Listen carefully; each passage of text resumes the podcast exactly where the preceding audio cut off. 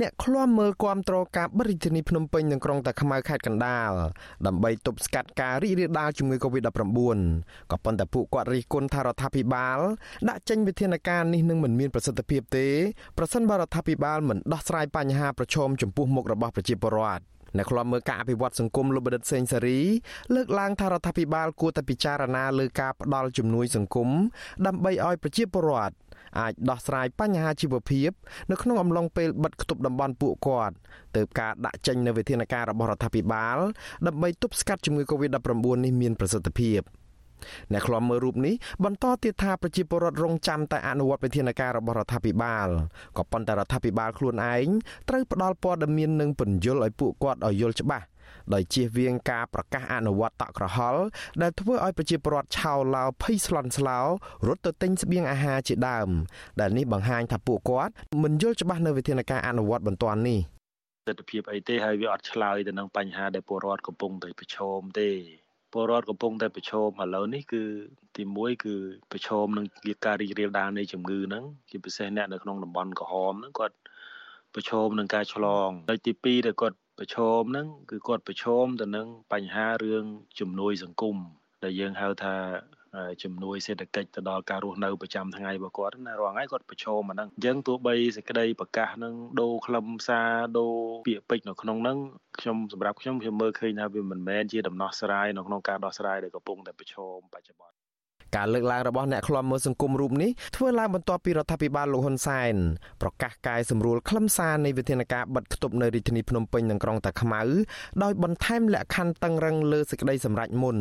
ដើម្បីទប់ស្កាត់ការរាតត្បាតជំងឺ Covid-19 នៅក្នុងសហគមន៍ ការកែសម្រួលវិធានការនេះបើកផ្លូវឲ្យអាជ្ញាធរចាត់វិធានការច្បាប់មើងម៉ាត់ដោយខាត់ទុកជាបដោះអាសន្ននៅមធ្យោបាយធ្វើដំណើរប្រសិនបើប្រជាពលរដ្ឋបំពេញវិធានការហាមឃាត់ការធ្វើដំណើរវិធានការកែសម្រួលនេះក៏ហាមប្រជាពលរដ្ឋគ្រប់រូបមិនឲ្យចេញពីលំនៅឋាន ឬទីសំណាក់បច្ចុប្បន្នរបស់ខ្លួនដែរ ការធ្វើដំណើរចេញពីលំនៅឋានឬក៏ទីសំណាក់បច្ចុប្បន្នត្រូវបានអនុញ្ញាតនៅក្នុងករណីចាំបាច់ដោយត្រូវមានលិខិតអនុញ្ញាតធ្វើដំណើរពីគណៈកម្មការបិទគប់ដែលតម្រូវឲ្យមានអត្តសញ្ញាណប័ណ្ណសញ្ជាតិខ្មែរឬលិខិតការងារដែលចេញដោយស្ថាប័នការងាររបស់ខ្លួន។ ការធ្វើដំណើរនៅក្នុងគោលបំណងនេះអាចធ្វើឡើងដោយសមាជិកយ៉ាងច្រើនពីរនាក់នៅក្នុងលំនៅឋានឬទីសំណាក់ដោយមិនឲ្យលើសពី3ដងនៅក្នុងមួយសប្តាហ៍និងនៅទីតាំងដែលជិតបំផុតនៅក្នុងរង្វង់ភូមិសាស្ត្រនៅក្នុងក្រុងខណ្ឌដែលខ្លួនរស់នៅដោយត្រូវយកមកតាមខ្លួននៅអត្តសញ្ញាណប័ណ្ណសញ្ជាតិខ្មែរឬប័ណ្ណសម្គាល់ខ្លួនផង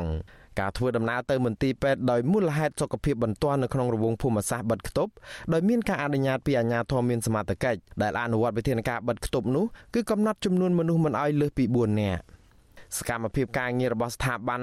ត្រូវកាត់បន្ថយចំនួនអ្នកធ្វើការមកឲ្យនៅត្រឹមកម្រិតអបបរមាមិនឲ្យលើស2%និងត្រូវអនុវត្តគោលការណ៍អាហារថ្ងៃត្រង់នៅនឹងកន្លែងបំពេញការងារ ជាមួយរឿងនេះអភិបាលខេត្តកណ្ដាលលោកគង់សុភ័ណ្ឌបញ្ជាក់ថាការកែប្រែវិធានការនេះគឺធ្វើឡើងដើម្បីងាយស្រួលអនុវត្តនិងមានប្រសិទ្ធភាពជាងវិធានការចាស់លើការគ្រប់គ្រងសេវាដឹកជញ្ជូនគ្រឿងឧបភោគបរិភោគសម្ភារៈគមនាគមន៍ ទឹកភ្លើងធនាគារនិងដើម្បីទប់ស្កាត់ការរីករាលដាលនៃជំងឺ Covid-19 នេះលោកថាវិធានការនេះត្រូវបានអាជ្ញាធរផ្សព្វផ្សាយតាមប្រព័ន្ធបណ្ដាញសង្គម Facebook វិទ្យុទូរទស្សន៍ដោយសង្ខេបជូនប្រជាពលរដ្ឋឲ្យងាយយល់ផងដែរហើយលោកជឿជាក់ថាប្រជាពលរដ្ឋនឹងយល់ពីខ្លឹមសារនិងគោលបំណងនៃវិធានការនេះលោកថាការបិទគប់នេះមិនធ្វើឲ្យប៉ះពាល់ដល់សិទ្ធិសេរីភាពសេចក្តីថ្លៃថ្នូរនិងជីវភាពរបស់ប្រជាពលរដ្ឋទាំងស្រុងនោះទេនិយាយពីចាត់ទុកថាល្មើសហ្មងនោះយើងមិនទាន់ចាត់ ចាប់ច្បាក់ប្រកាន់បោះថ្នាក់កម្រិតនោះទេព្រោះបើពីរបីថ្ងៃដំបូងនោះគឺប្រើរូបភាពនៃណែនាំហើយប្រាប់ឲ្យគាត់ត្រឡប់ទៅវិញបាទឯមន្ត្រីរាជការអីអីនោះគេគាត់ឲ្យមានអត្តសញ្ញាណត្រឹមត្រូវដល់ទៅពេលកែតម្រូវនេះកែតម្រូវកែសម្រួលចេញសេចក្តីសម្រេចលេខ050 51នេះវាប្លែកពីមុនបន្តិច ត្រង់ថាអ្នកដែលដែលមានមុខរបរអាជីវកម្មត្រូវតែមានការអនុញ្ញាតក្នុងការឆ្លងទៅឆ្លងមកហ្នឹងណា ចំណែកឯប្រជាពលរដ្ឋរស់នៅក្នុងតំបន់បិទខ្ទប់លោកខឿនប៊ុនធឿនឯណោះវិញលោកប្រាប់ថាលោកគាំទ្រវិធានការទប់ស្កាត់ការរាតត្បាតជំងឺ Covid-19 ក៏ប៉ុន្តែពេលនេះទាំងលោកនិងប្រជាពលរដ្ឋមួយចំនួនមិនទាន់យល់ច្បាស់អំពីអត្ថន័យវិធានការចាស់និងថ្មីឲ្យបានច្បាស់លាស់នៅឡើយទេបរិះអាយុ37ឆ្នាំរូបនេះស្នើឲ្យរដ្ឋាភិបាលនិងមន្ត្រីអង្គការសង្គមស៊ីវិលបង្កើនការផ្សព្វផ្សាយនិងពន្យល់ប្រជាពលរដ្ឋឲ្យបានយល់អំពីវិធានការរបស់រដ្ឋាភិបាល ដើម្បីឲ្យពួកគាត់ចូលរួមអនុវត្តដើម្បីកុំឲ្យមានការខុសឆ្គង និយាយទៅខ្ញុំអត់អត់ដឹងដែរនិយាយចឹងណាបើថានិយាយគូរត់ទូទៅខ្ញុំអត់ដឹងខ្ញុំបែរខ្លួនខ្ញុំមិនដឹងច្បាស់ផងហើយចោះអ្នកងំអ្នកផ្សេងទៀតខ្ញុំអង្គអង្គទិញទៅទិញថ្ងៃមុនហ្នឹងចុះមួយថ្ងៃយើងអត់ទៅណាហូបច្រើនព្រោះដងយើងទៅណាទៅណីអញ្ចឹងយើងទៅរលុយរអីទៅបាទបានលុយបានកាក់ទៅយើងហូបរបស់នៅក្រៅអញ្ចឹងទៅយើងមកផ្ទះវិញយើងទៅហូបអញ្ចឹងយើងចោលអង្គអញ្ចឹងហូបអស់យើងប្រងាំងហូបបាយកកបាយអី ជាមួយគ្នានេះអគ្គលេខាធិការសហព័ន្ធនិស្សិតបញ្ញវន្តកម្ពុជាលោកគៀនពន្លកលោកថ្លែងថាលោកគាំទ្រវិធានការរបស់រដ្ឋាភិបាលដើម្បីបង្កើនប្រសិទ្ធភាពទប់ស្កាត់ការរីករាលដាលនៃជំងឺ Covid-19 ក៏ប៉ុន្តែរដ្ឋាភិបាលគួរជូនដំណឹងនិងផ្សព្វផ្សាយអំពីខ្លឹមសារនៃវិធានការនេះឲ្យបានទូលំទូលាយបន្ថែមទៀតដោយជៀសវាងការយល់ច្រឡំនានាដើម្បីឲ្យប្រជាពលរដ្ឋត្រៀមខ្លួនចូលរួមអនុវត្តវិធានការរបស់រដ្ឋាភិបាលឲ្យបានពេញលេញលោកថារដ្ឋាភិបាលគួរទម្លាក់ថវិកាបន្ថែមទៀតជួយចំពោះកម្មករអ្នកប្រកបមុខរបរសេដ្ឋកិច្ចក្រៅប្រព័ន្ធនិងប្រជាពលរដ្ឋងាយរងគ្រោះផ្សេងទៀតឲ្យទាន់ពេលវេលា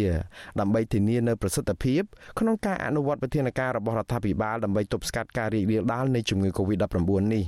ចំណែកឯផលអវិជ្ជមានវិញគឺប្រជាពលរដ្ឋគឺគាត់មិនបានដឹងអំពីច្បាប់នេះឲ្យបានទូលំទូលាយទេអឺប្រជាពលរដ្ឋ អ្នកដែលមានជីវភាពធូរធារគឺពួកគាត់អាចមានលទ្ធភាពក្នុងការរស់នៅក្នុងផ្ទះរយៈពេល14ថ្ងៃឬក៏ទិញនៅស្បៀងអាហារដើម្បីស្តុកទុកនៅក្នុងផ្ទះក៏ប៉ុន្តែចំពោះអ្នកក្រវិញសួរថាតើគាត់រោគព្រឹកខ្វះល្ងាចរោគល្ងាចខ្វះព្រឹកតើគាត់បានលួយមកពីណាដើម្បីទិញស្បៀងទិញម្ហូបអាហារសម្រាប់ស្តុកហើយឲ្យពួកគាត់នៅផ្ទះ14ថ្ងៃ បើទោះបីជាយ៉ាងនេះក្តីក្រុមអ្នកខ្លំមើលយល់ថាការផ្សព្វផ្សាយពន្យល់និងណែនាំអំពីខ្លឹមសារនៃវិធានការឲ្យបានច្បាស់លាស់ព្រមទាំងការពន្លឿនផ្ដល់ស្បៀងអាហារដល់ប្រជាពលរដ្ឋដែលរងគ្រោះគ្រប់គ្រាន់ទាន់ពេលវេលាទើបរដ្ឋាភិបាលអាចអនុវត្តវិធានការទាំងនេះបានជោគជ័យនិងមានប្រសិទ្ធភាពដើម្បីទប់ស្កាត់ការរីករាលដាលនៃជំងឺ Covid-19 នេះខ្ញុំបាទមួងណារ៉េត With you Azizi Saray ប្រធានាធិបតី Washington